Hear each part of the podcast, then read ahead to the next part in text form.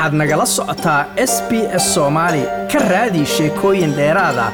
S b s com au xariijin soomaali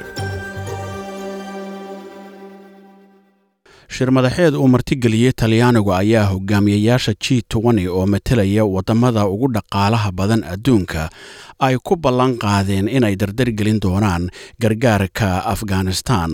Ra'iisul wasaaraha talyaaniga mario dragi ayaa sheegay in kulanku uu guul ku dhammaaday maxaa yeelay waxay ahayd markii ugu horreysay ee hogaamiyayaasha dunidu ay jawaab dhinacyo badan ka bixiyaan dhibaatada afghanistan qaramada midoobay ayaa u ahayd udubdhexaad diblomaasiyadeed iyo mid taageeraba afghanistan taasoo ay sabab u ahayd inaanay dalal badani rabin inay xidhiidh toos ah la yeeshaan talibaan master dragi ayaa ka hadlay kulanka isaga oo sheegay in g badankoodu ay bixin doonaan gargaar xataa haddii laga maarmi waayo in talibaanta qudheeda lala kaashado suurtagelinteeda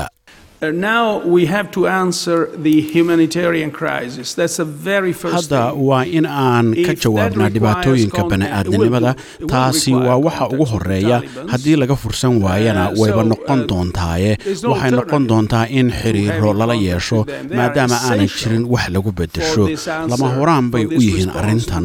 laakiin waa sidaad sheegtaye taas looma qaadan kara aqoonsi aqoonsigu. kuma xidhna talibaan hadalkooda ee wuxuu ku xidhan yahay waxa ay sameeyaan. dowladda talibaan sidaan ognahay ma aha mid loo dhan yahay dhab ahaanna ma matasho cid xuquuqda haweenkana. Ilaa hadda inta aan arki karno waxaan u aragnaa in dib loogu noqday labaatan sano ka hor inta ilaa hadda muuqata. markaasi ugu yaraan inta badan g gu u aqoonsadaan talibaan waa in dowladda talibaan horumar ka keenaan hadaladii iyo ballanqaadyadii ay sameeyeen dhowr maalmood hor ayuu dhaqaalaha afghanistan ayaa dhammaantiiba ku burburay in ka yar laba bilood. bangiyada ayaa lacagtii ka sii dhammaanaysaa. qiimihii raashinka ayaa kor u kacay shaqaalaha dowladdana lama siinin wax mushahar ah. Dhibaatada ayaa lagu qiyaasay inay saamaynayso ugu yaraan siddeed iyo toban milyan oo qof oo u dhiganta kalabadh dadka reer afghanistan qaramada midoobey ayaa sheegtay in loo baahan yahay in la dhaqso geliyo taageerada maadaama uu hadda soo gelayo xilligii qaboobuhu. Hogaamiyaha jarmalka angela merkel ayaa iyaduna kulanka joogtay. Waxa ayna sheegtay in afghanistan ay ku jirto xaalad fowdo ah dhammaanteen ma jirto wax aan ka faa'iidayno haddii dhammaan hanaanka lacageed ama maaliyadeed ee afghanistan uu burburayo waayo markaa gargaarka bani'aadnimadana lama sii wadi karo. dabcan in isha laga eego afartan milyan oo qof oo fowda ku dhacday korontola'aan iyo nidaamka lacagta oo meesha ka baxay awgeed ma aha inay noqotona ma aha sida bulshada caalamiga ee rabto ayay tidhi.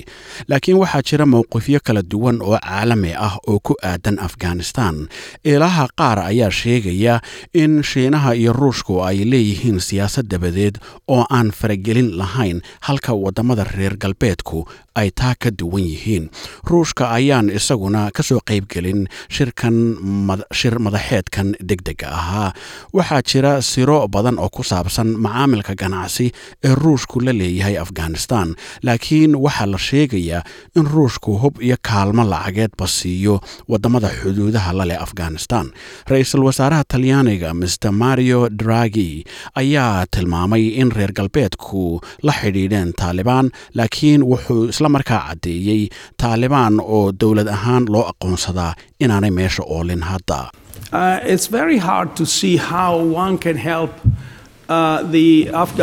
aad bay u adag tahay in la arko sida loo caawin karo dadka afghanistan oo ah tiro aad u badan. afghanistanna ay tahay waddan weyn iyada oo aan si uun loola garabsanin taalibaan oo ah dowlad ku-sheeg. aad bay u adag tahay in lagu bilaabo keenista gargaarka lagama maarmaanka ah. waxaan ula jeedaa haddii aysan doonayn inaan waddanka galno annaguna ma gelayno. Marka kani waa waxoogaa isla shaqayn ah oo aan loo qaadan karin aqoonsi. aqoonsigu waa mid siyaasad ku xidhan waana go'aan la gaari doono keliya.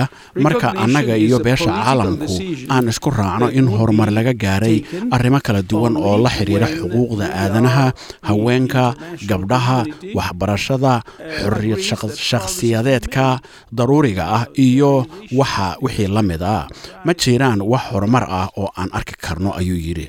Qatar ayaa ah waddan kale oo u dabacsan in xukunka talibaan ee afghanistan la aqbalo iyada oo maalinkii talaadada wada hadal siisay. Talibaan iyo xubno matelayay reer galbeedka oo ay ku jireen waddamada yurubta bari iyo yurubta waqooyi iyo diblomaasiyiin ka kala socday ingiriiska iyo kanada. Diblomaasiyiin jarmala ayaa iyaguna sidoo kale ka qayb galay kulanka ka dhacay qatar iyada oo chancellor angela merkel ay sheegtay in aanay ku degdegaynin dowlad talibaan oo dhacda laakiin wadahadalladu ay weli socon doonaan